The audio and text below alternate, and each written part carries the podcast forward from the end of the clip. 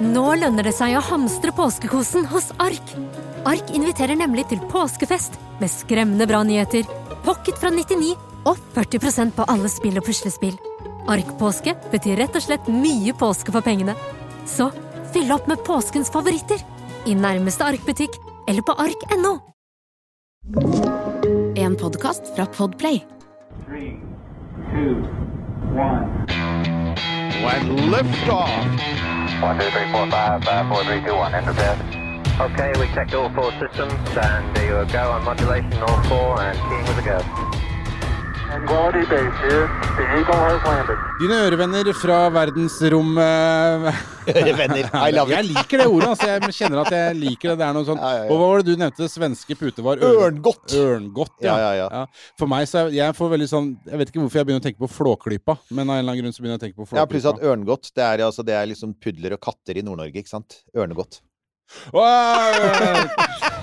Ørn tek ikke unga, og alt det der. der. Og apropos unger, Eirik. eh, man? Slapp av. Ja, ok.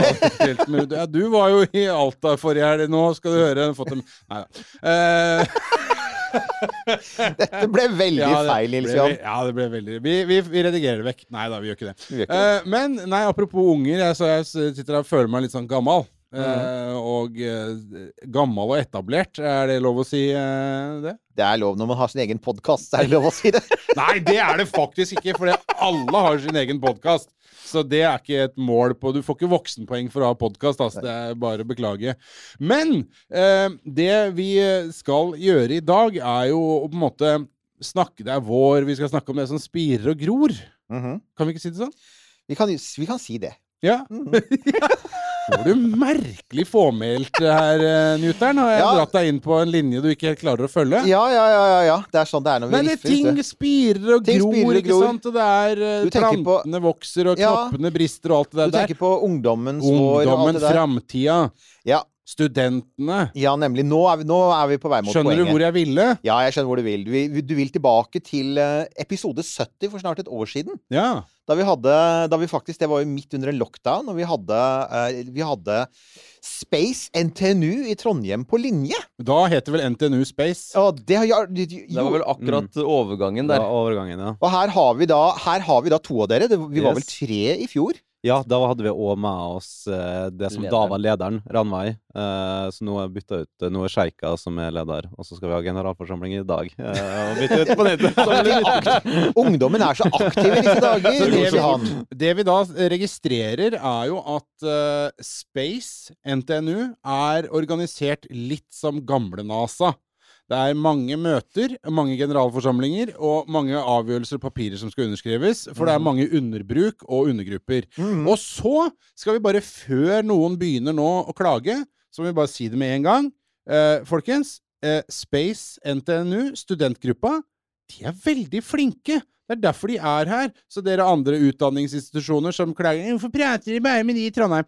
Ja, men velkommen skal dere være. Ta kontakt. Ta kontakt. Vi er, vi er stort sett ganske velvillige. Og kan ikke dere bare presentere dere? Jo, det kan vi absolutt. Det er veldig hyggelig forresten å både være her og høre det at dere syns at vi faktisk gjør noe er CSIRL, som vi pleide å si i gamle dager. Ja. Jo, altså, mitt navn er Alexi Gusev, og det jeg var jo med på den siste podkasten òg. Og jeg eh, er jo CMO og har vært de siste tre årene, faktisk, Mhm. i, i Space NTNU.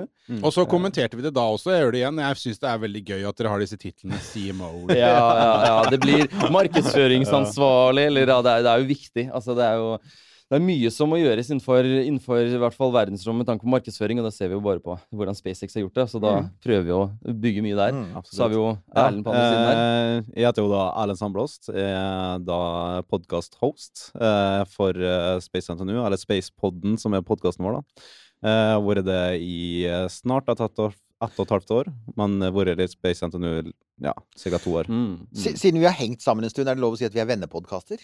Ja, det, vil- det har jeg veldig lyst til å si. Jeg syns det, si det. Ja, det var- jeg syns jo det. Ja, vi har, for vi har hatt noe sånn derre Vi har jo vært der før. Altså, Konspirasjonspodden er jo egentlig vår vennepodkast, selv om de De har ikke hørt så mye til dem i det siste. De har jo havna bak den her De er bak den eh, betalingsmuren, betalingsmuren, vet du. Så, så, men, så de er det, og jeg hadde et vennskapelig forhold til Dialogisk en periode også, så, men det er veldig hyggelig med Spacepodden, altså. Ja, Så, altså, så vi sier vi er vennepodkast. Ja, Ja, altså, det er godt å høre, for det er jo sånn Vi er jo på en måte de små som skal inn, og dere er de gode etablerte. Så vi, vi er jo liksom Det er jo dere som måtte er visst- oss. eh, vi er visst dere eh, anerkjenner oss, 900 er kilos gorillaen i buret, Nils Johan. Ja, absolutt, absolutt. Føler meg I, sånn. i, i norsk, i norsk rompodkast-sammenheng. Mm. Men, men, men altså, som du sier, Spacepodden.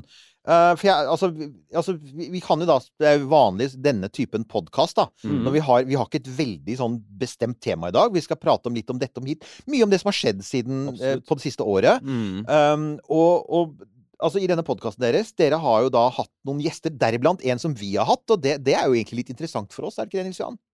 Hva da, Nima, tenker du på? Ja, Nima, ikke sant? Ja, For altså, og Alex. Alex. eh, Ja, Alex hus- også, selvfølgelig. Hus, husvenn Alex. ja, vår husvenn det, Alex, som normalt sitter liksom sånn tre booths, eh, tre sånn rom nedi gangen her, Ja, Ja. ja.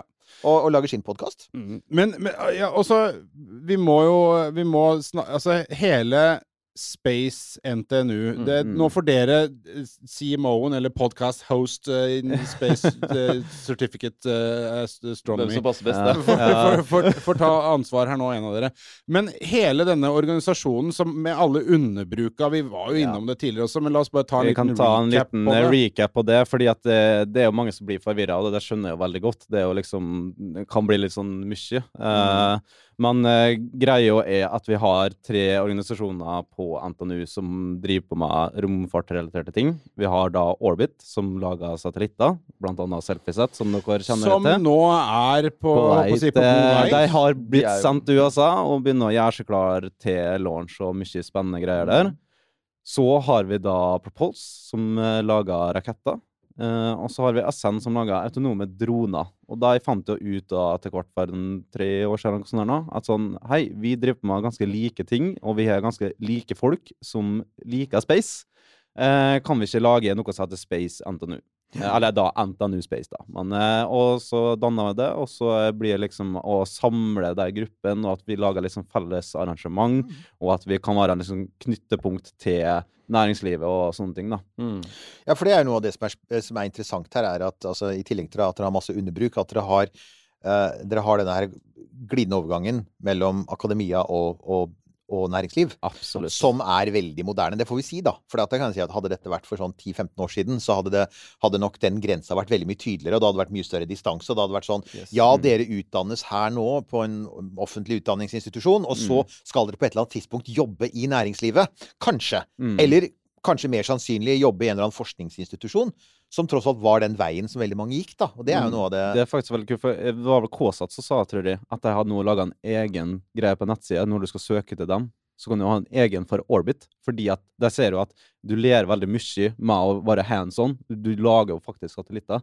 Så det, Mhm. den erfaringa Og det går jo gjerne kanskje litt utover karakterene dine, så du får kanskje ikke så gode karakterer. Ja, men du jo, du får, du får liksom noen gode erfaringer, så liksom anerkjenner at her lærer du ganske viktige ting. Ja, for det, det, det er jo en ting som jeg også syns er veldig interessant, og det må dere si litt om. I, i, altså, det er jo vi, det er jo litt sånn dust å si, for vi har jo et helt sånn superkonkret eksempel, som er Selfiesat, som liksom er på vei nå. Mm. Det- It's a thing. Og den har blitt overlevert i en gul, flott, eh, veldig polstra fin ko i koffert eh, til de som skal putte den inn i en rakett og skyte den opp i verdensrommet. Med SpaceX. Men? Si, si litt mer om ja, Hvem andre er det? Liksom? Det er jo- Nå er det jo i hvert fall noen andre muligheter. Nei, nå er det på Men, men du må si litt mer om eh, det som, som Eirik er inne på, den brytninga mellom akademia og næringslivet. Si litt mer om hvilke konkrete eh, ting måte, som kommer ut av Mm. uh, hele paraplyorganisasjonen. da. Ja, for, for det som er interessant, at alle de studentene som er med på det her Altså, det er jo snakk om eh, rundt 60 per organisasjon. 60 stykker per organisasjon, i tillegg til rundt 20 hos oss i Space. Mm. Som er på en måte uh, i, som en administrasjon, liksom. Nå er jo ikke direkte administrasjon for de, Nei. men, uh, Men men vi er på en sånn PR og event, samler eh. Ja. Uh, og det er jo på en måte interessant at alle jobber frivillig. Absolutt. Det er jo en helt frivillig organisasjon. Eh, og det interessante er hvor, som du nevnte nå, da, hvor mye som kommer ut av det. Og det er det at selskaper går inn, sånn som KSAT, uh, sånn som uh, Eidel osv., kommer inn for å få disse studentene eh, etterpå. Altså det er så, så mange som kommer rett ut av det og kan like mye, så etter, like mye som om de har studert det her. Altså, så, men ingen av de her studerer det. Dette er noe de gjør på siden. Altså, sånn, jeg går datateknologi som ikke har noe med direkte eh, det her å gjøre. ikke sant? Eh, samtidig som mange som kan studere, ja, kanskje KYB, det har noe med det å gjøre, men ikke Mm. direkte. Så, altså avionics, liksom, på en rakett. da. Og mange, kan nevne, annet. mange begynner førsteåret, og så lærer de ting som de skal egentlig lære i tredjeåret. Og de har liksom mm. erfaringer, ikke bare teoretisk, men liksom de har erfart det. og eh, gjør ting. Og, eh, Og det er mm. viktig at selskapene kommer jo inn der for å støtte opp. Og det er ganske sinnssykt. Det er helt sykt kult at selskaper eh, som er kjempestore, som velger å faktisk gå inn og hjelpe studentene, og da ikke bare hjelpe, men miljøet i Norge, da. Eh, Så man ser jo for eksempel nå Propulse, da, eh, som var og testa, testa sin, eh, sin rakett nå for litt siden. Eller ikke bare rakett, men de testa fallskjerm, eh, fallskjermen sin. da. Og, og at de vinner jo så mange konkurranser. Altså, de vant jo European Rocketry Challenge her i fjor Mm. i Europa. Altså, de ble de beste i Europa på uh, I den konkurransen. Det er vel 9000 meter, tror jeg. Uh, Mm. og det er ganske sykt. Og det er på en måte i Norge. Hvor, det er veldig mange som ikke, ikke tenker over det. At, uh, hvor mye som disse studentorganisasjonene kan gi. da. Og, men problematikken før da, var jo at alle jobbet med litt egne ting. Altså Noen jobber med raketter litt her borte, noen andre kanskje med noen flere raketter der borte, og så er det noen innenfor droner osv. Men igjen, sånn som Erlend nevnte, å samle dette gjør at det kan bli retta mye mer. Eh, ikke sant? Og selskaper ser med en gang ok, det er space, eh, innenfor de har vi orbit, innenfor de har vi propulse og ascent. ikke sant? Eh, det gir ganske, ganske mye, da. Og vi ser jo at f.eks. i Oslo eh, De begynner. De begynner, Flere og flere organisasjoner begynner å komme. Mm. Uh, men det er det miljøet som Trondheim, Trondheim har klart å sette opp med des, disse da, organisasjonene, gir masse. Mm. Så, Tenk eh, deg det, Eirik. Hvis det hadde vært sånn på Blindern når du gikk der, så hadde du Ja, nei, vært på Mars Og du hadde vært på Mars Da hadde jeg vært på Mars allerede. Ja. Nei, men altså, det, jeg, jeg, har jo, jeg har jo en akademisk utdannelse og har jo gått et løp der, og har jo venner som også er i akademia. Jeg kan jo si at det, det, akkurat dette her har jo vært et sårt punkt i, i, i, lengre, i lengre tid. Dette med at, Mm.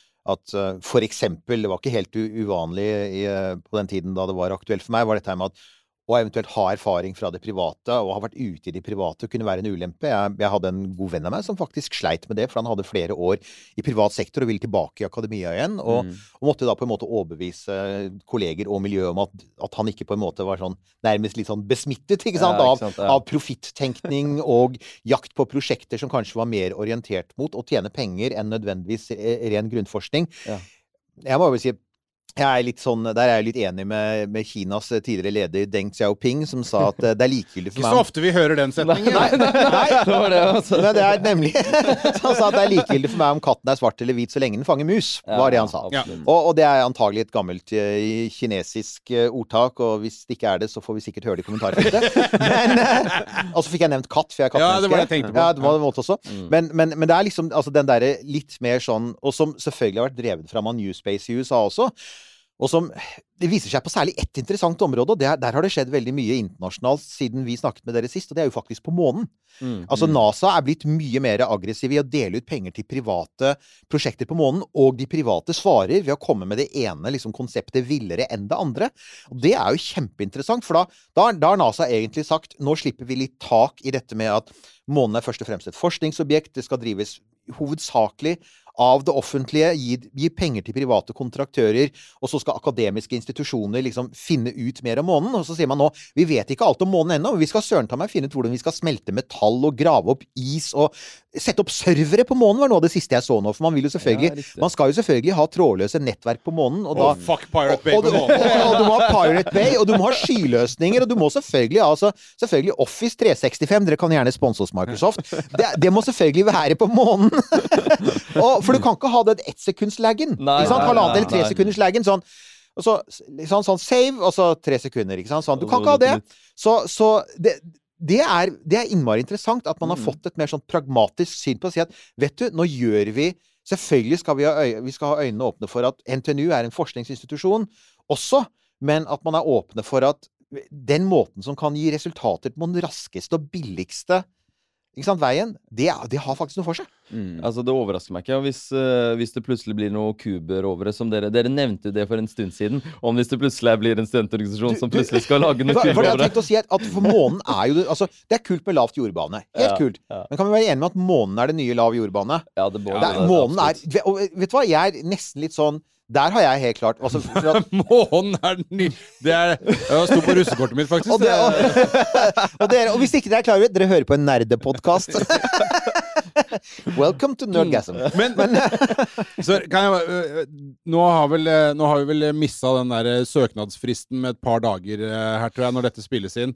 Eh, Men, men jeg tenker som Hvis man har lyst til, og det har vi jo fått spørsmål om mange ganger, så jeg har lyst til å jobbe med noe innen space. Mm. Hvordan gjør jeg det? Og så har vi vært inne på det. Men da tenker jeg, fader, for et studentmiljø å komme til, da, for de som har søkt seg inn på et eller annet med space eller i periferien Mm. på NTNU. Ja, ja, absolutt. Det er jo Det vi prøver å få frem. At det liksom, her har du miljøet. Enten hvis du vil ha sosiale miljøer rundt det, eller det at du kan jobbe innretta mot uh, jobbmessig, da. Ja, for det, det er som, sånn som markedsføringsansvarlig. Jeg har jo jobbet ekstremt mye på en måte å få det her ut så langt så det går i hele Norge. liksom, At det på en måte folk får med seg. og Det det er også Spaceboden som vi uh, lanserte et år siden. da, Mm. eller et og et halvt nå. Uh, det var jo akkurat det som var planen. Vise at miljøet er stort, og vise at uh, det finnes studenter som jobber startups som jobber med det her. Og det, det er også viktige ting. Det er så mange startups som starter, bl.a. fra disse organisasjonene. Altså folk som har jobbet med, uh, med Selfiesat, ikke sant. Går ut og Vake, fortsetter annet, og- Ja, ikke sant. Det er helt sykt hvor, måte, hvor mange av de mulighetene man får, da. Men i forhold til det med opptak, da. Det er jo hvert semester så er det jo uh, rekrutteringsperiode. Så da kan du jo komme inn, og så eh, da er liksom nye studenter kommer inn, og, eller liksom at du er Om det går fjerde år òg, så er det liksom Mm. bare å hoppe det på. Og der er det viktig å nevne at Spaceboden altså vi har, jo, vi har jo startet det her, og vi fortsetter det her, men vi vil jo absolutt ha flere folk til å være med på det. Altså bare, bare podkasten vår har jo ti stykker som jobber på den allerede. Oi! Så det, ja, de har Oi, liksom fuck! Og Det det er er, det er ca. 500 flere enn det som er jobber her. og, og jeg og Alexi har sagt at vi kan få inn ti nye, vi har fortsatt nok arbeid til alle. Ja, for liksom... vi lager alltid flere, flere arbeidsoppgaver, for det er såpass mye Det er såpass mye å, mm. gå, å gå på. Så, så, så hvis det er på en måte noen som hører på, som har lyst til å jobbe med det her, enten det er podkast, eller om det er bare space osv. Vi lager flere arbeidsoppgaver. Ja, Ja, her det er er et sånn- hull! Der er det en haug ved siden av. Vi Nei, få men det er jo så sånn, det- Måten jeg og Alexia jobber på, er liksom at vi, vi, eh, vi bare vi sikter opp, og så bare ja, lager vi drittmye. Liksom, vi nylig satt vi et første YouTube-video fullstendig av eh, podkastene våre. Det har vi ikke fått gjort, for vi har ikke nok eh, ressurser til det.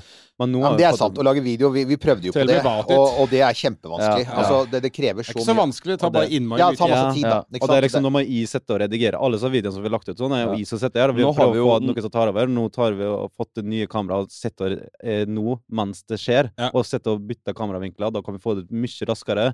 Og nå eh, har vi jo egne som sitter på sosiale medier, og eh, Så det- altså tar over. Jeg andre jeg er jo på TikTok fortsatt. Jeg har lyst til at dere skal ta over den, sånn at jeg, der kan liksom eh, Altså, være på det. Dette her, Vi er kanskje 900 kilo gorilla, men det er en liten ape i buret som har mye mer penger enn oss, og mye mer Ja, men de ressurser. har tid, de har tid, vet du. De har tid. Ja, det er ungdommer, det Det er stemmer det. tid. Det Og sånn så uh, det Jeg vet Vi skal gjøre litt sånn som det her klesmerket Holtzweiler. Vi skal skaffe oss noen sånne interns, vi. Ubetalte interns. Som skal Er du hypp på å jobbe med men sosiale du, medier? Når det er sagt, vi har faktisk folk som har tilbudt seg å gjøre akkurat det. Oi. Ja, ja, vi har lyttere som har sagt det. Altså, men det eneste er at mange av dem er interessert i lyd, og det har vi allerede ordna. Ja.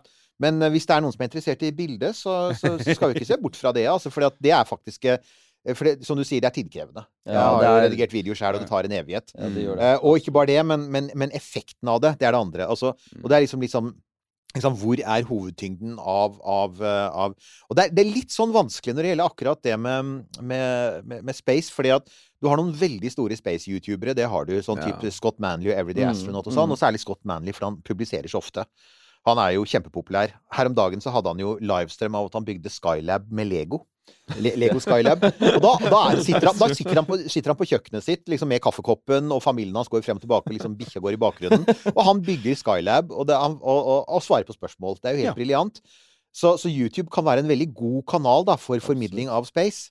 Men samtidig så er jo eh, Så ser jo vi, da, at podkast også åpenbart er det. Og at Mm. YouTube har mindre gjennomslag i Norge. Mm. Så, så det, det varierer fra land til land, og det varierer helt tydelig fra ja. Og så er det litt måten vi fungerer på at vi nå er jo liksom Altså, vi har jo ikke noe erfaring. Vi bare prøver alt, og så ser vi litt hva som funker og ikke funker, og så tester Ja, vi og litt så- ut der, der, og så hvis det funker, så må vi få noen til å ta over den. Nå- nå- Og velkommen til podkasten om podkast. Ja, ja, ja, ja, det ble litt sånn der, da. Men dere, dere hadde håpet å lære noe om rommet, men det, det kan dere jeg prøve å få sveiva ting eh, litt sånn tilbake, Tilbake til inn her nå? Ja. Fordi eh, eh, Spacepodden eh, er én ting, og så har dere noen små sånne oppdateringer med Space News der. Det Ja, ja, ja. er litt det eh, gøy. Er, og ja, det nye segmentet som vi, vi må skaffe inn flere folk. Nå er jo Jarle, da, som er liksom vår eh, romkonsulent der, da. Han er jo fra Orbit og nå blitt en del av Space.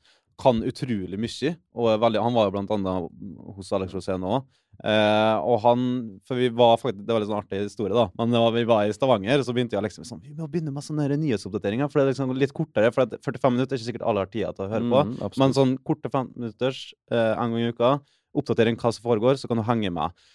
Eh, da sitter vi der i Stavanger med Jarle, og han bare Ja, jeg sitter sånn fire timer daglig og oppdaterer med om verdensrommet, og vi bare det, vi må, Det er mer bare fordi han syns det er spennende. Ja, Så ja. nå har vi begynt å prøve å få til en sånn ukentlig oppdatering. Kjapt. Hva er det som foregår? Sånn at Mm. folk kan henge med. For at vi ser at det er liksom ikke så særlig mye av det. Og vi, Mm. vi er, det, det er liksom hva vi har lyst på, så lager vi det. Men altså utafor eh, deres eh, ikke fullt så enge krets, men altså av de sånn sna- 200 pers da, som er involvert i eh, paraplyorganisasjonen Mm. hva, hva tenker dere om interessen for feltet? Altså for verdensrommet, tenker Ja, ja, ja, på? Liksom, ja, ja. Eh, generelt sett så vil jeg si at den er veldig stor, for det er på en måte Hvis noen uh, setter opp et eller annet eh, skal si, event hvor man eh, jeg vet ikke, ser på stjernene Mm. Vi hadde jo en, ja, Det er sånn som ting vi også driver og arrangerer, da, blant annet.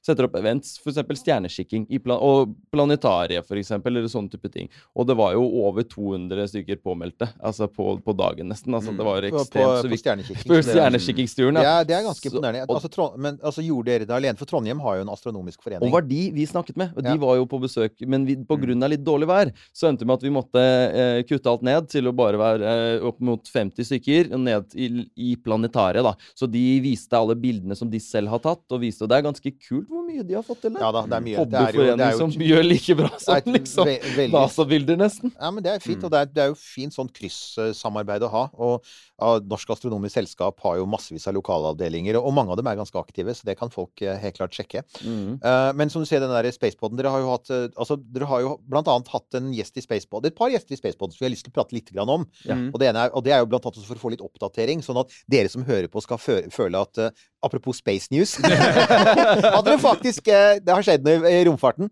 Uh, for dere har jo da blant annet hatt vår venn Nima Shahinian i Mhm. studio, ikke sant? Eh, han, ja, det... hvor, hvor lenge siden er det han var hos dere? Han var Eh, to, To uker siden. tre ah, ja, men det er helt klart en oppdatering i forhold til han var hos oss. for Yes. Han var hos oss rett før krigen brøt ut i Ukraina. Mm. Eh, så vi, vi fikk jo så, så holdt på å si hvordan, går det Ja. med han? Altså, for han ble jo Vi veit at han havnet i en knipe der, da. Ja, absolutt. Og det, det, mm, det var jo et live-event vi hadde, og det var Mm. på en måte i Planetariet når han satt der med, Ja. med publikum og sånt, så det var litt annet eh, enn vanlig podkasten Mm. vår.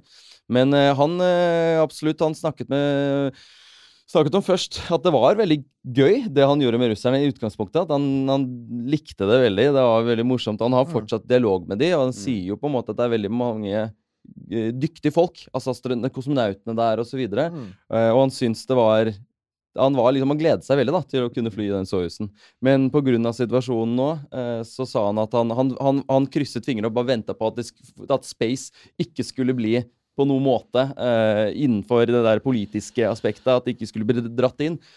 Men eh, når det da ble mye sanksjoner begge veier, så endte han opp med måtte, eh, som han sa, bevege seg videre. For det blir Det er ikke noe han kunne stå innafor. Eh, det blir ikke riktig. Og jeg var litt Eh, redd for at det kunne ha blitt at det ikke ble For at akkurat i det tidsrommet der, da var det veldig mye som skjedde. Det var, jo- vi, jo, vi tenkte jo vi skulle ha inn en politiker. Eh, og hvem sender vi melding til da? Jo, vi sender melding til Erna Solberg. Tenkte jeg, hun svarer jo ikke. Så fikk jeg jo sånn Jo, hun har veldig lyst til å komme.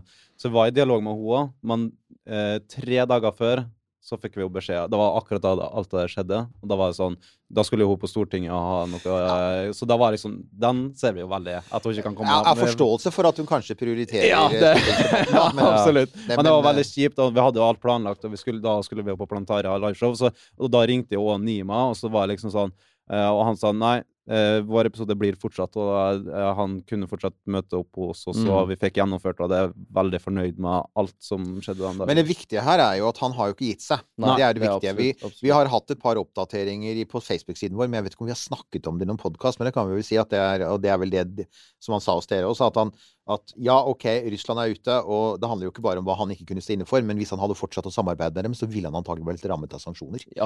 Bortsett fra at han Og og dessuten, det er ikke så lett å fly til Nei, Russland nå, det var, det, way. det var jo det første er- han også nevnte. At jo det var et stort Jo, du kan reise via Kuala Lumpur og Lagos i Nigeria. Og, ja, og, Som en tur, altså. Ta det som en tur. Ikke sant? Men, eh, men, eh, men så, så, det- så det er jo eh, og, og det, altså, det som var fascinerende med det, var jo nettopp dette her med at altså, russerne var med på det, og de var villige til å være med, være med på det. Og, og eh, hva var det han sa for noe? Det Nei, var han, bare syns det, han syns det var veldig altså, det var, Han fortalte om mange historier da, eh, som jeg ikke skal på en måte gjenfortelle nå. Han har jo blir- delvis fortalt dem her også, det Ja, helt ikke. sikkert. Ja, det var mye morsomme historier, absolutt. Men, ja, men, men det blir jo, eh, med tanke på at situasjonen som vi nevnte, eh, så, så har, han jo på en måte begynt å kontakte andre aktører. Og som han ofte sier, hvilke andre aktører er det man kan se etter? Jo, det blir jo fort eh, SpaceX som man ser, Ja. ser mot, da. Eh, og det blir jo spennende å se. Ikke Bezos? Ja, den, den, Så hvis han har lyst til å være astronaut i 30 sekunder, så kan han det. Man bytta deg ikke definisjonen på astronaut pga. akkurat det der, da? Jo, altså det er, det, er, det er ganske flytende akkurat nå. Du har private astronauter, commercial astronaut. Ja. Eh, og, og, men, men, ehm, men uansett, altså, er det jo, det er jo interessant, for at akkurat nå mens vi gjør dette opptaket, så er jo denne helkommersielle, første helkommersielle ferden til romstasjonen er i ferd med å avsluttes. Mm. Uh, disse fire astronautene som har dessverre ikke fått vite så mye om hva de har gjort ennå. Ellers, ellers kunne det nesten vært interessant å lage en sending på dem. For det er jo litt banebrytende. Dette er jo dette uh, Axiom Space, er det vel heter. Dette selskapet som har fått i oppdrag av NASA å lage en privat romstasjon. En, først en privat modul, etter hvert en privat romstasjon.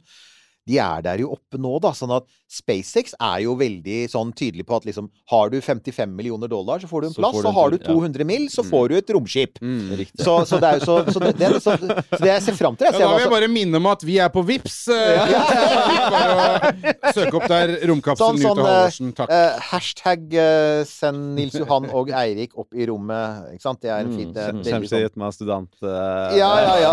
Så det sånn, det, dette er jo det her, det, Dere kunne jo ha sånn eh, lotteri, kakelotteri, liksom som vinneren får ja. Nei, så, det, det, så det blir veldig interessant å se hvordan Nima navigerer det, for det er klart det er et litt annet landskap. Absolutt. Altså, Roskosmos er en statlig organisasjon, og let's face it, russerne har lenge før Ukraina så hadde russerne et imageproblem, annet pga. sin ganske gale sjef, eh, Rogozin.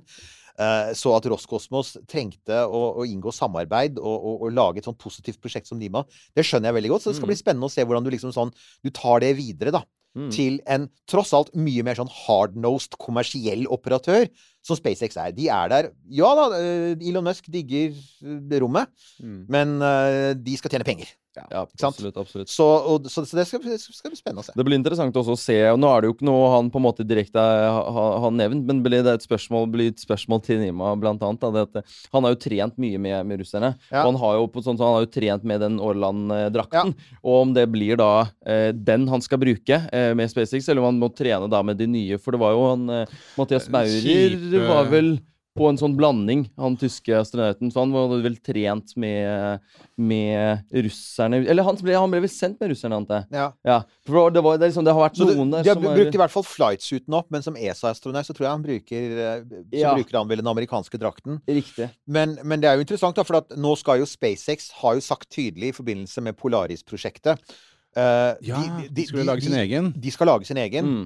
Men SpaceX skal gjøre utrolig mye nå, da. Så altså, SpaceX skal bygge en by på Mars, og de skal redde verden, og de skal, De skal Så, så jeg, jeg, jeg det, Akkurat der Altså, det er liksom sånn Det er en sånn ting som jeg tenker akkurat nå, er sånn SpaceX har jo en sjef som er veldig travel. Ja, ja. Og som i dette øyeblikket er i ferd med å kjøpe opp Twitter, eller prøver å kjøpe opp Twitter. Så jeg er sånn Vi får se hva de rekker. Jeg, er, Mhm. jeg har ranta litt om det der, for jeg, jeg, jeg ser det altså at uh, Det er jo noe med Det er jo liksom en av disse forskjellene på privat og offentlig romfart. Er dette her man satt i offentlig romfart. Så de som jobber med romfart her, de jobber med romfart. Mm. Mens typ Jeff Bezos og Mm. eh, Elon Musk har svære businesser ved siden av. Ja. Mm. Ja. De har masse driv ved siden av, og så har de en person for rommet. Mm. Og så veit vi at eh, Blue Origin har ligget veldig i dødvane veldig lenge, fordi at Jeff Bezos blant annet ikke har tid, Mm. eller overskudd, eller hva søren, til å drive det. Og vi begynner å se enkelte tegn på det samme i SpaceX. Vi begynner Men, å se eh, enkel... det er jo det for Jeg er jo veldig glad i oss, skal vi da si, men det er jo det som er altså det med at vi driver frivillig, er jo Mm. et tydelig tegn på at alle studentene som driver med Orbit, Propulsor, Sand og Space NTNU, er liksom Det er folk som har lyst til å holde på med dette. De Ja. bruker fritida si utenom studiet på å Men det noe av det lære sånt der. Det er noe av det nye som på en måte vi, Det med at SpaceX ikke sant, det er New Space, og det er liksom frivillig folk. Ja, det, men er det. Men kan du te Altså, er det Tenker jeg at man ser mulighetene, at det er mulig å altså bare gå, gå fra skolebenken, på en måte, eller fra, fra studiene, og, og starte noe som faktisk blir en reell del av det et er eller annet i verdensrommet. der, altså. Jeg tror, slik som For min del, så var jeg liksom, når jeg kom til Trondheim, så hadde jeg aldri hatt et sånn miljø der vi snakka om verdensrommet, og folk som kan ting om det, eller bryr seg om det. Og det er liksom å møte et miljø der bare sånn Å, vi syns det her er kult. Uh, og så er det det at du ser òg at noe er plotta opp, liksom. Der er det startup, og der er det litt eh, Ja, men det er akkurat det jeg mener, det skillet der mellom For før så var det Altså, back in the day, Mm. da var det eh, Eirik og kompisa hans som satt eh, nede i kjelleren på Uglebo eh, på Blindern og, og var liksom Veldig nerdsa som, som Ja, ja, ble ja. sett rart på alle de andre. Mm. Men nå er det folk med, som dere med en interesse som faktisk kan om en liten stund oversettes til noe virkelig. Mm. Yes. Det er det, Den endringa der, tenker jeg, er ganske viktig. Her er det sånn viktig ting, og det er, det, det, er gode eksempler på det òg. Det er Mm. som er litt interessant. Du har jo på en måte eksempel Vake eller Enernight, som er to startups som har gått veldig bra. De har jo fått masse De har jo vunnet både priser, og de har kommet med Fått inn masse penger fra ulike aktører og statlige, og det er Og de var jo altså studenter som Mm. starta Hva det, hva er det de gjør for noe? Eh, Vake driver og har De, har, de lager en på en måte en um, eh, AI, AI som skal klare å se etter båter, eh, istedenfor ja. at du på en måte på nå så vet man liksom lite om båter som beveger seg, altså fiskeribåter og så Ja, men du har jo dette AIS-systemet, ikke sant? Eh, Altså Eh, posisjonssystemet. Ja, ja, ikke sant. Folk har rett og slett satellittbilder. da. Og de Mm. bruker satellittbildene til f.eks. Ja, ESA-satellitter, da, ikke sant? og så Mm. Galileo-satellitter, og så kan de ut fra en form for AI ehm, detektere da, hvor disse båtene kommer fra, hvor de har beveget seg, overalt. Og det er noe som på en måte er veldig lite brukt. Enernight bruker også AI, så de, ingen av de lager store satellitter, men de, de bruker, Bruker. satellitter, og de er veldig sånn nærme i det space-segmentet. Er det det som kalles downstream, eh, Erik? Ja, det er vel det. Uh, og det er altså Og du kan si at altså, Som sier, det, det skjer mye spennende, men samtidig så er det, det er jo der norsk rombransje har vært veldig lenge, for å si det sånn, da. Mm. Og fordi vi er en uavhengig podkast, så kan vi si hva vi vil.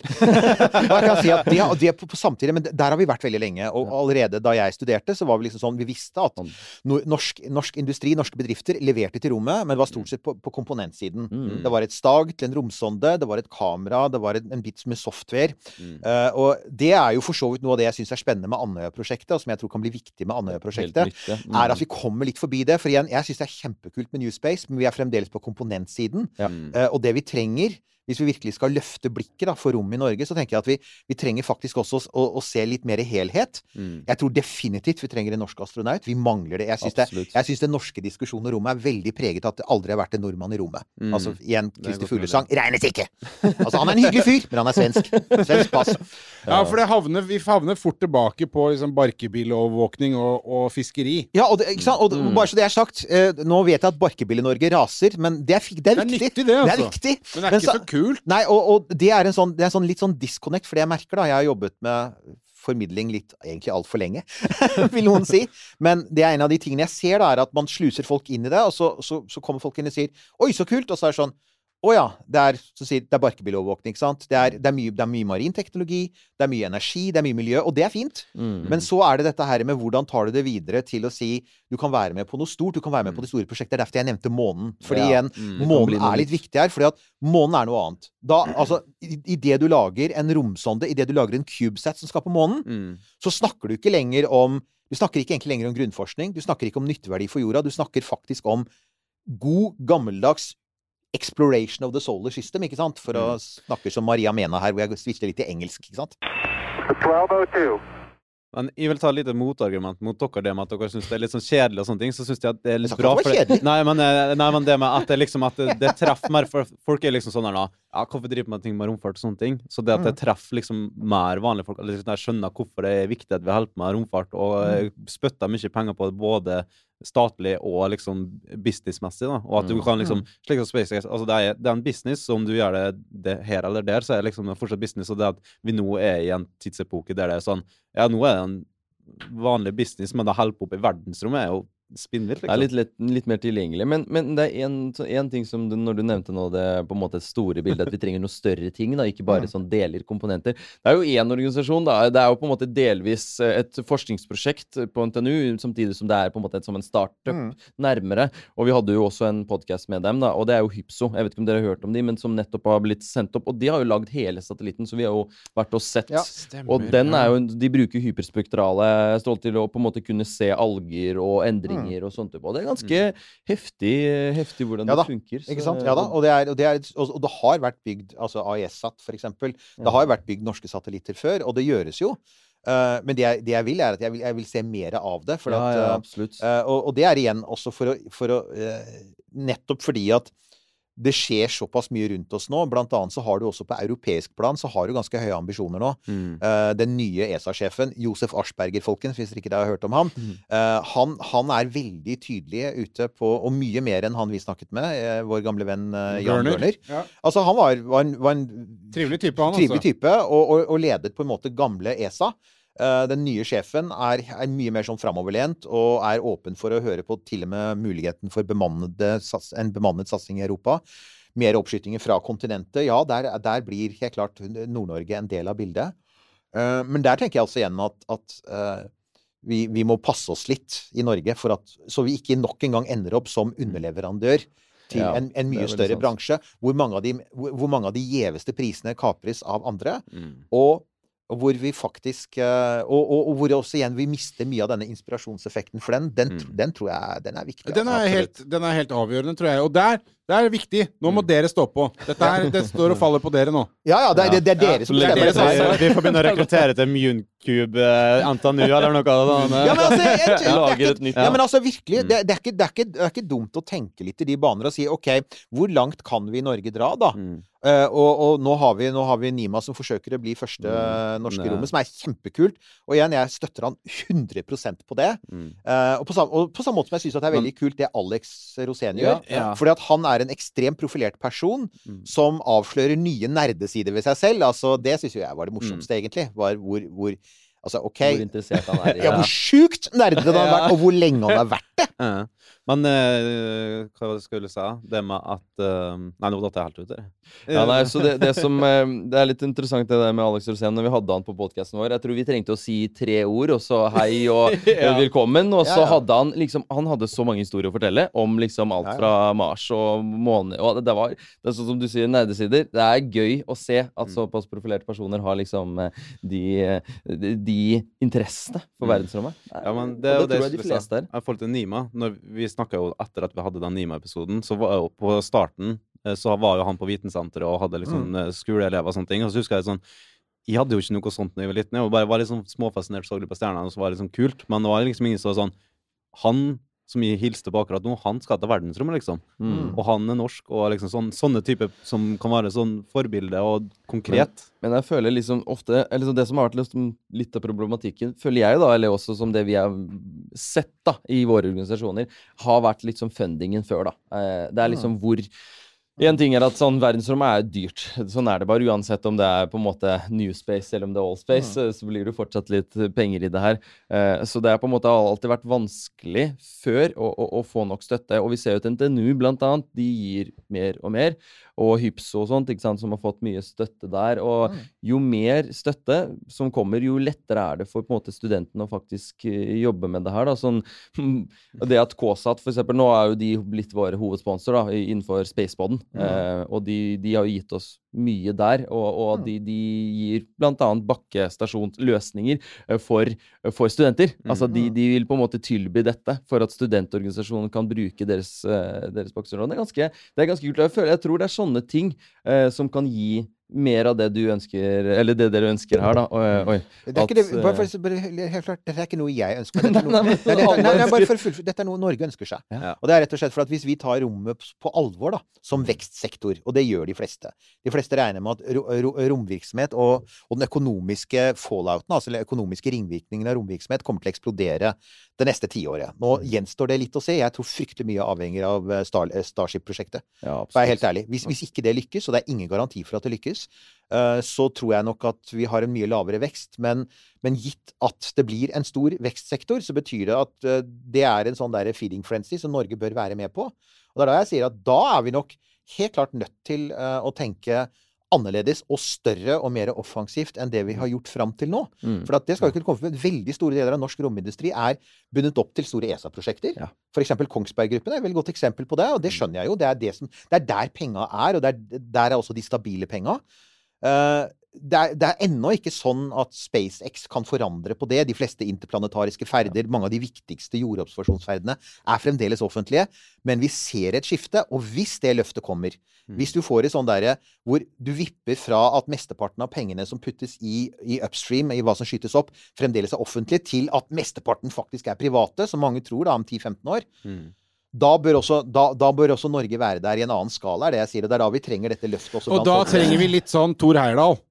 Vi Vi gjør det. Tor Heyerdahler som vi, vi, vi, eh, Det er nemlig det vi gjør. Tor Heyerdahl og Ubåt-Madsen, på en måte. Så, Mm. ja. Ja, ja, Men ja, hva tror dere er For det, det, det har vi ikke fått spurt Erna om ennå, men det er derfor vi tenkte oss ta inn noen politiske sånn, Hva har det å si for Norge og politikere det at de satser på norsk romfart? Det, det, det utbygger Andøya nå og spytter inn Men det er lite tips. eh, akkurat nå så er det ikke Erna som er statsminister. Men Nei, er ja, nei, det var jo ikke det nå, men hun gjorde jo det når hun var det, og at, Ja, ja. at, jeg, at det kan være sånn noe til andre framover, da. At, Ja, ja, Det, liksom, at det er noe å satse på. Ja, ja. Ville ikke si noe om det Erna-greiene. Jeg, jeg satt og tenkte hvorfor er det Erna? Hun er jo Ja, ikke ja. hun lenger, så ja. Men, men det er helt sant. eh, Det er, og, og, det er altså eh, igjen det, Men det er derfor jeg også sier at Andøya er så interessant. For at det, det har det potensialet. Det har potensialet til eh, Det ser interessant ut nå, men det kan faktisk også bli nettopp fordi Igjen, Europa mangler av naturlige geografiske årsaker. Så Mm. mangler Europa gode steder å skyte opp fra. Og sant å si, så er det liksom sånn Det er, nord, det er liksom sånn Nord-Skottland, Nord-Shetland og Nord-Norge som er liksom Og, og Nord-Sverige. Liksom, det er noen av de få stedene hvor de i det hele tatt kan skyte opp. fordi at hvis du skyter rett østover Du har ikke lyst til å vite hva du må fly over da. Så, så er det du gjerne vil når du skal skyte opp ting. Så, så, så, så der ligger det jo et svært potensial. Men, men nettopp derfor så blir det også sånn med sant, hvordan man kan pushe teknologien, for eksempel som, jeg, som er en av mine sånn hjertesaker. er, Hvor fort kan f.eks. Andøya komme over på reusability? fordi at å fortsette å skyte opp raketter som du dumper i havet, det kan jeg si at der er vi antagelig ikke om ti år. Det er nesten Nei, ikke det er, ikke sant? Ja. Og hvor raskt kan vi komme inn i det, og hvor mye kan Norge komme inn i det, er jo også veldig Mm. spennende. Så det ligger jo noen fantastiske muligheter der. liksom Utover produksjon av satellitter og instrumenter til satellitter, så ligger det Og det yndlingseksempelet er New Zealand, ikke sant? Det er jo altså, det er Rocket Lab. De er, de er jo der. De har gjort akkurat dette. Og det er et land på størrelse med Norge. Det er mulig. Sør- Sør-Korea gjør det, ikke sant? Altså, Mhm. De gjør det jo, så jeg tenker sånn Søren, dette er land på vår størrelse som faktisk bygger svære ting. Mm. Så Hva- hva- mulighetene, er, muligheten må Hva, hva er det som står på fallskjermen til Perseverance? Det derre koden? Dare Mighty Things, er det ikke det der? Ja, nei, si, Det, er- det, det er en sånn kode som Ja, De hadde en stripekode som ble dekodet av Altså, folk sa Hva er det der? Det sjekker tilfeldig ut. Det ser ut som en kode. Og alle nerdene tok det, liksom, de tykke brillene sine og satte seg ned med en gang og, og kodet. Og i løpet av fem minutter så var det på Twitter. Jeg tror det er. Dare Mighty Things. Altså å våge å gjøre de store tingene, ikke sant? Mhm. For det, igjen, Perseverance-landingen er noe av det kuleste som Ja, det noensinne sinnssyk. Det som er gjort i ubemannet romfart. Jeg mener, wow! Ikke sant? Og Ingenuity som drev og fløy i. og Ja, ja, den, og den flyr jo fremdeles. Så kult!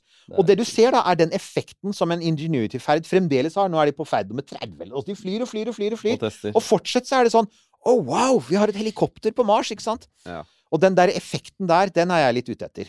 At vi Mm. kommer forbi liksom sånn det kjøkkenbenktaktige, men selvfølgelig leverer vi alt det nyttige. Nei, men Mm. altså, vi må levere det der som stimulerer fantasien og, og sånn. Men tror du ikke det da, Eirik, at uh, på slutten av en eller annen generalforsamling i Space NTNU, så sitter de der med et par pils, og så er det en eller annen luring som får en idé?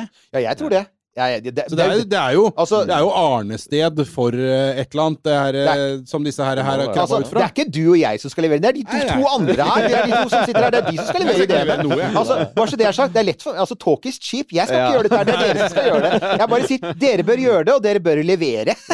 Dere har å levere. Dere har å levere, ellers blir vi sure Og der i podkasten vår. en morsom ting. Altså, ISAR Aerospace skal jo skyte opp den på en måte første ferden. Ja, de skal jo det. Og da er det jo Orbit som lager eh, Framsatt, som skal være den Ja. første test. Og det, det er litt sånn Det er kjempekult å tenke på. Skikkelig, skikkelig Ja, og og det, altså, kan gjerne altså, for, Igjen for å bli litt konkret, da, åssen går det med det nå? Altså, er, er ting i rute der?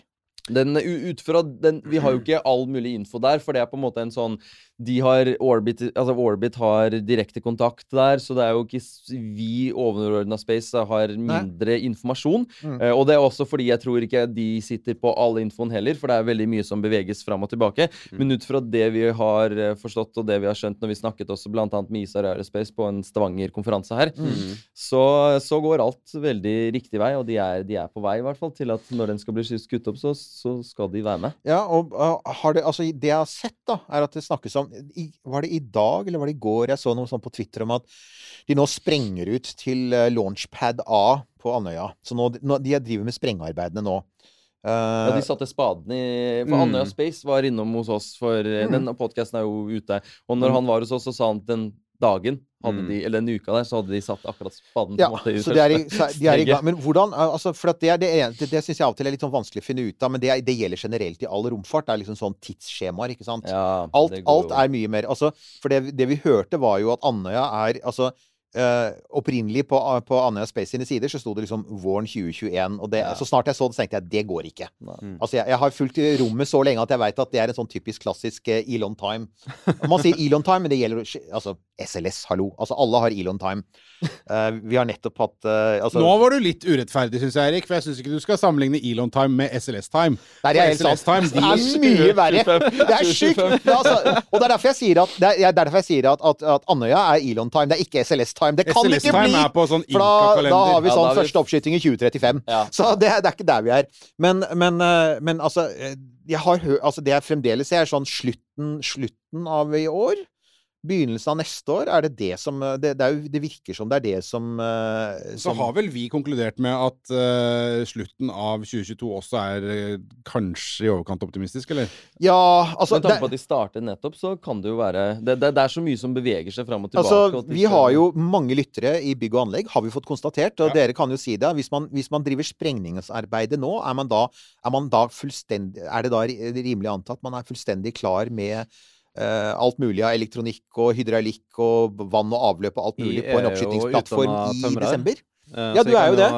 sa det at eh, alltid blir ting utsatt, med mindre du uh, peser på med overtid på lærlinger og uh, Ja. arbeiderkraft, så blir det alltid utsatt som regel. Det gjør det. Og I hvert fall er på store ja. prosjekter. Alltid. Ikke sant? Og, og, men, det, men grunnen til at dette her er litt uh, interessant og viktig, er jo nettopp altså at nå, vi venter jo på dette her, og, og det er jo et marked der ute som hele tiden er i endring. Det siste nå fra Rocket Lab, de newzealenderne våre, er at nå skal de gjennomføre det første forsøket på gjenbruk av et første trinn. De har jo da en litt annen løsning enn SpaceX, som har denne fantastiske landingen av Falcon 9. De skal bruke en løsning som amerikanerne brukte tilbake på 60-tallet, når de hentet eh, sånn filmcanister med spionsatellittfilm. Eh, For at da hadde de jo ikke elektronisk overføring av eh, bildene ned til bakken. Så de, de hadde da, spionsatellittene hadde automatiske sånn filmkassetter. Som de da slapp i en sånn liten re-entry vehicle, en liten kapsel, som bremset opp i atmosfæren over Stillehavet. Og så var det da US Air Force sin oppgave å fange dem med en sånn egen krok. Sånn. Ikke sant? Og, og, og det interessante var at det fungerte overraskende bra, så det var demonstrert. Så det de har tenkt å gjøre, Rocket Lab, det er altså å ta når dette første trinnet daler ned under fallskjerm, så skal de ha et helikopter, og, og så skal de ha en krok som fanger det. Og så skal de selvfølgelig og, altså, Fordi det er en ganske liten rakett, det er jo en small sat launcher, så den, du kunne ikke ha gjort med en Falcon 9. For det, altså, du, kunne en, du kunne hatt en A380, og den ville gått i sjøen. Altså, den er jo så svær og tung. Men, men de har altså da tenkt å gjøre det med et helikopter. Og det, det, skal, det er på en nå en nærliggende ferd. Så jeg sier det skjer ting hele tiden. Ja. Mm. Og det er derfor vi er litt opptatt av dette. Men, Altså, man har ikke uendelig med tid, da. For Nei, det er, dette er et marked i rask endring. men i forhold til det med framsatt, ja. eh, Det, eh, jeg har jo snakka litt med fram til denne podkasten her, som er Mari Ja. i Orbit. Og så er framsatt har nå gjennomført hos eh, Kongsberg. For det er jo en av de tingene de kan gjøre med bedrifter. er at De får kanskje ikke nødvendigvis penger, men de kan bruke utstyret som de Ikke sant?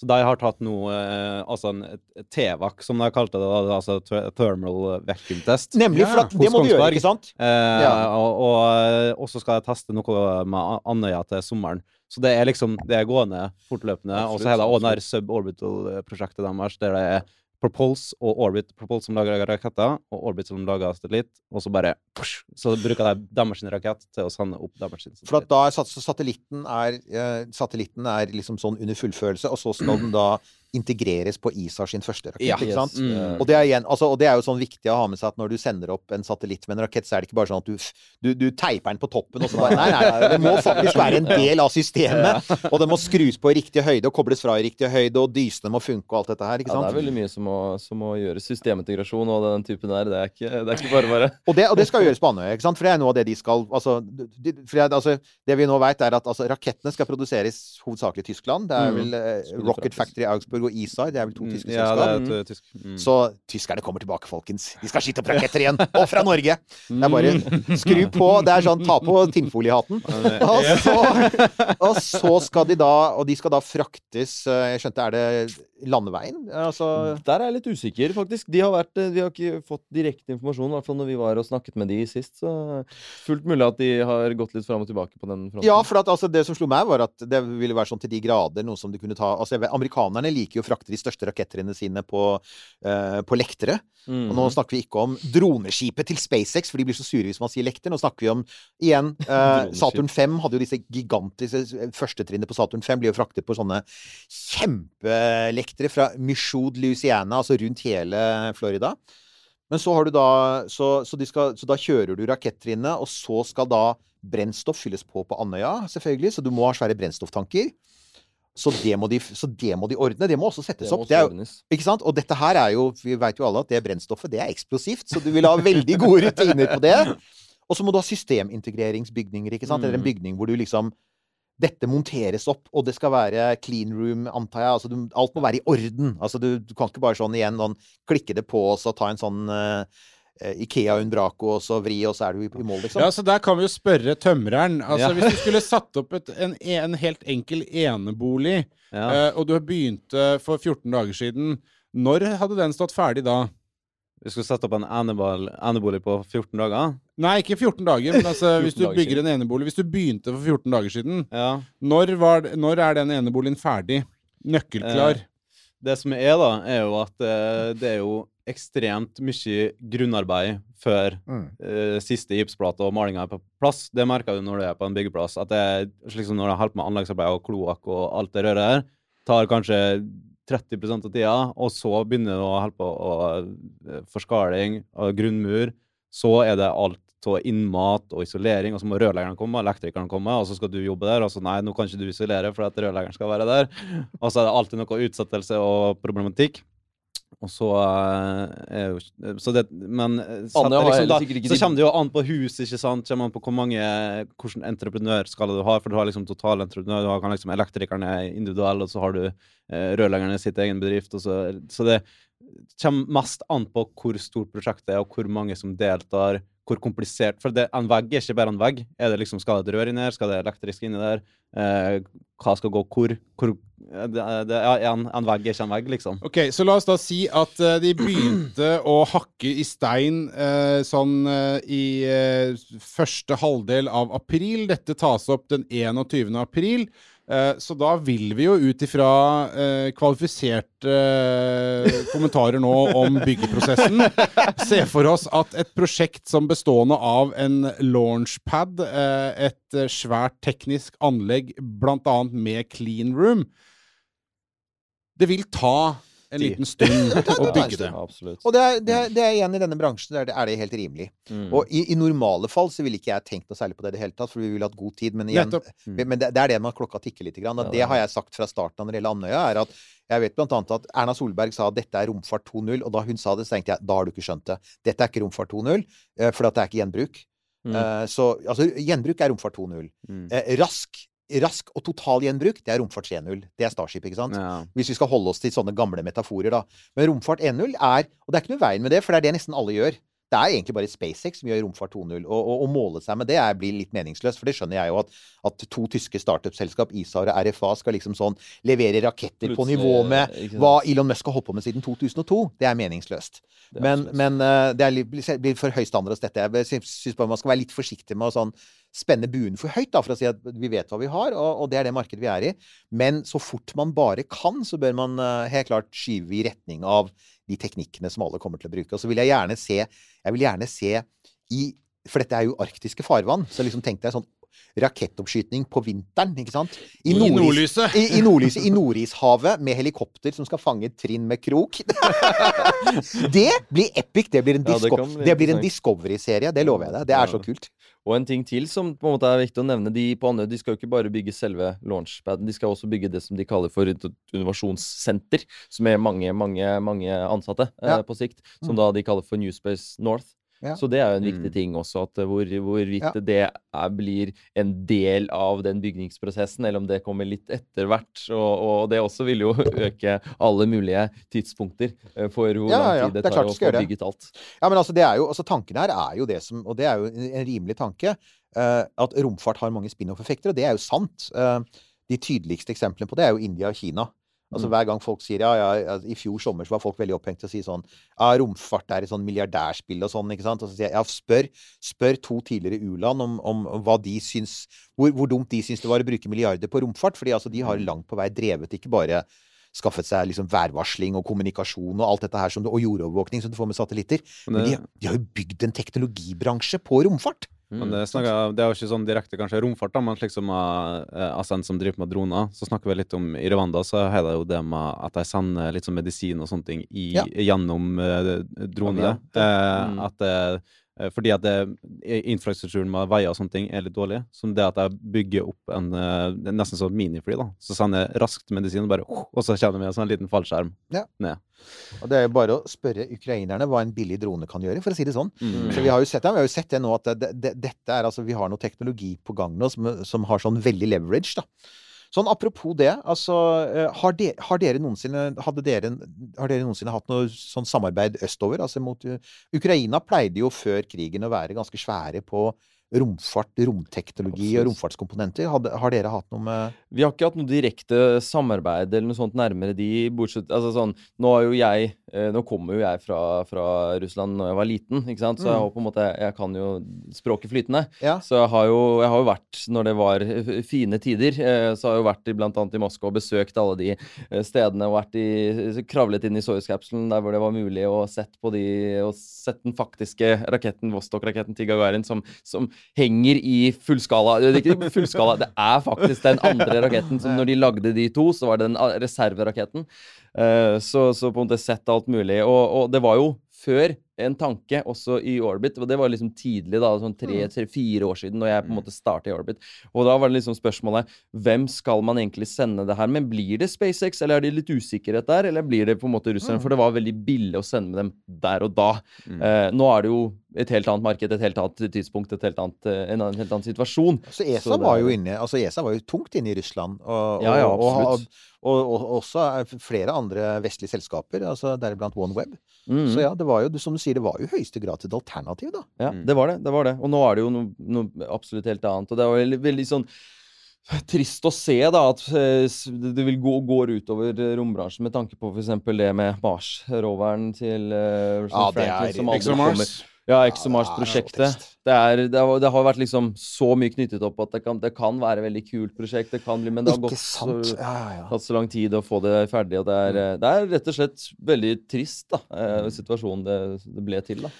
Ja, nei, det er et, det er et veldig sånn godt eksempel på at vi hadde det, altså, dette her med at du har sånne Folk legger sånne planer for at ting skal skje hvis du, hvis du ser tilbake på sånn et år eller to, så sier sånn Mm. Ja, hva tror du skjer om et år? Jo, jeg tror eksempel eh, Starship er i full rute, ikke Ja, Og, ja. og da har vi en ny rover på Mars, ikke sant? Og vi har en ny megakonstellasjon oppe, OneWeb er i rute, ikke sant? Sånn, og så plutselig så bare får du sånn Det er historien som griper inn, da, og som, bare sånn, som og, og som kullkaster det. Det skriver jo faktisk i bacheloren om For jeg skriver for Ikea nå. Jeg, jeg studerer jo logistikk, som jeg vil igjen ikke har noe direkte med eh, verdensrommet å gjøre, da. Men det er jo sånn Indirekte har det. Indirekte har det enormt med å gjøre det. Ja. Absolutt. Ja, Ja, ja. For det er jo mye logistikk, men der ser du jo liksom sånn eh, hvordan du får inn varer. Så vi tenker ikke sånn eh, når du er forbruker, men det er liksom sånn Først var det Suezkanalen, ikke sant? Blokaden der.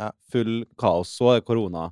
Ja. Eh, all det har seg. Og nå er det liksom sanksjoner med Russland. Og liksom Mm. hvor mye du er avhengig av den handelen, og at eh, kommunikasjon og alt mulig Mm. samarbeid Mm. som blir påvirka av det politiske spillet, liksom. Ja, det- det- Og, og faktisk hva romfart kan bety. Altså Jeg så nettopp nå, for det har, vi- vi har jo i eh, forrige episode var det vel, eh, så snakket vi om dette med at altså, det ble mye sånn oppstyr rundt at Starlink eh, Elon Musk gikk inn og hjalp Ukraina med Starlink. Nå har man begynt, altså, Og så ble det snakk om at det blir brukt militært, hvilket det gjør. Men nå har det også begynt å dukke opp hvordan det brukes sivilt, som er kjempeinteressant. Mm. Med at de gjenerobrer det. Altså når, når ukrainerne har frigjort landsbyer, så har selvfølgelig altså russerne rasert alt. ikke sant? Det er ingenting igjen. Det er ingen mobilantenner. det er liksom sånn, Alt som er av elektronisk infrastruktur, er rasert. Hvis det er en kobberkabel, så har vel soldatene stjålet det for å selge det hjemme. ikke sant? Så, og da har de altså begynt å sette opp eh, Starlink-noder. Og det de oppdager, er at de har jo kapasitet nok til å gi hele landsbyer Altså én satellitt er jo faktisk nok til å gi en hel landsby det den trenger for å komme i gang. Ok, hele landsbyen kan ikke streame Netflix, men alt du trenger sånn basics, for det er jo sånn 400 megabit eller sånt, så det er mer enn nok for en landsby på 200 ja. mennesker, ikke sant? For å dekke det basiske. Men der, det, dette var faktisk Akkurat dette var noe som da Starlink første gang ble lansert Jeg skrev om dette tilbake i 2016-2017, da Elon Musk begynte å prate om det, og folk sa ja, men eh, et, et globalt satellitt-internettnettverk av den typen, det prøvde Microsoft på 1990-tallet, og de gikk jo nesten konkurs på det. Hvor- Hvordan i all verden skal du gjøre det? Og så begynte han å nevne casene, da. Og det var jo et av dem. Det var jo akkurat det. Mm. Det var jo en krigssituasjon, nødsituasjon. Og nå ser vi det faktisk skje på bakken. Så tenkte jeg, men der har du det igjen, det der med hver gang folk sier hva er egentlig poenget med dette her? Ja, men spør de ukrainske landsbybeboerne som nå faktisk Får Ja, avhengig av altså, Mm. får tatt kontakt med slektningene sine Ja. som har flyktet Mm. til Vesten, ikke sant? mm. Mm. Så, så det, det, det finnes et bilde som ble lagt ut på Twitter som var helt fantastisk, som viste uh, Og det var en av disse eh, byene nord for uh, Kiev som var blitt frigjort, da. Eh, og igjen, alt var ødelagt. Og de står liksom i sentrum av den ruinerte byen. Og så ser du de står rundt, som, som det var en som påpekte, det ser, ser nesten ut som de står rundt en leirild. Ja. Ikke sant? Ja. Og det er sånn, det er sånn nesten og, og, og, det er, og de står med mobiltelefonene sine. Og det du veit, er at de er ikke på Instagram for å sjekke klær. Nei. Dette er mennesker som er i total krise, og som kommuniserer med slektninger og venner, og kanskje Mm. leger og alt mulig annet, Mm. for, for å få det, det hjelp og sagt fra at de er i live. Og da, Den lille sånn Starlink-antenna Der, folkens, derfor driver vi med romfart, ikke sant? Mm, Det er mm. derfor. Eirik, Ja. eh, jeg syns det var en sånn fin, eh, positiv eh, liten eh, Ja, skal vi bare liten- si det? liten topp på, på, på tampen her. Jeg tror vi skal tenke vi på å runde her. Det var veldig fint. Det var en fin historie om hvor viktig ting som kanskje virker litt sånn langt unna og fjernt i verdensrommet, faktisk er. Mm. Og så har vi liksom framtida. Dere har å levere, så nå Ja, er det bare å stoppe. på. det er dere som skal gjøre det, ja. Stå på.